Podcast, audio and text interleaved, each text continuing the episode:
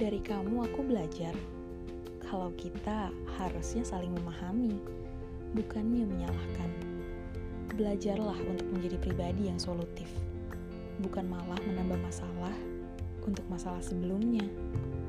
Dari aku juga akhirnya kamu belajar kalau nyari yang cocok itu nggak akan pernah ada. Yang ada hanya toleransi dan komunikasi. Beritahu jika salah, tapi tidak dengan amarah. Semuanya itu emang perlu dikomunikasikan. Saat kamu lapar, kamu marah, kamu sedih, termasuk kalau kamu juga lagi kangen. Kebanyakan orang merepresentasikan kangennya dengan ngambek yang gak jelas. Biasanya sikapnya selalu nyebelin, sedangkan pasanganmu gak paham itu.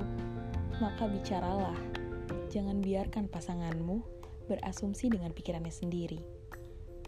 Dan untuk kamu yang selalu dirindukan, apalah arti sebuah rindu bila tak ada temu?